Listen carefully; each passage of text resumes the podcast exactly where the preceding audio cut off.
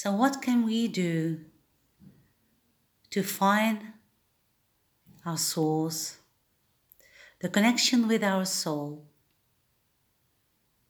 So, what can you do to be kind to yourself, to listen to yourself, and to feel the love and light that's all around you? So take your time to sit and listen. Take your time to feel the breath, to feel and being aware of your body here and now.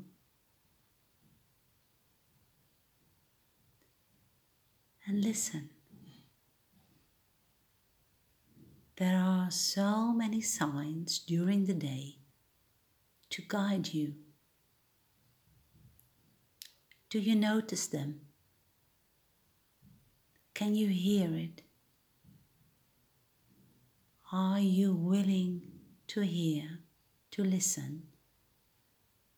Because all around us are helpers. They come from afar. They are family. They are angels. They are beings in the light.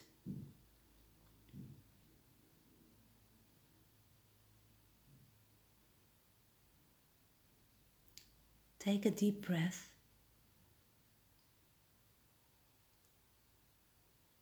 And feel how the breath comes into your body and goes out again without any effort. Just inhale, exhale.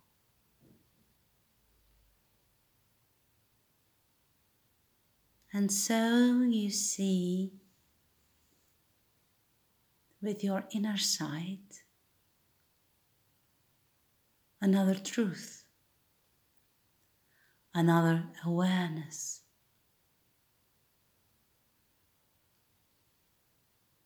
And this awareness from your inner sight wants to come out.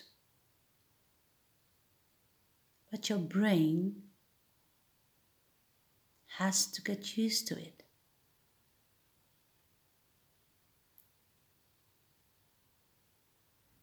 Your brain is used to what it sees and recognize. Your brain understands sounds and connects it with what it knows. So it's up to us, to our inner voice, to our inner knowing, to teach the brain, to teach ourselves a different truth, a deeper one deeper one who's really connected to who you truly are. And this is such a big, big present for yourself, for humanity. So just connect with your inner truth and let it come out in the ways that will pop up.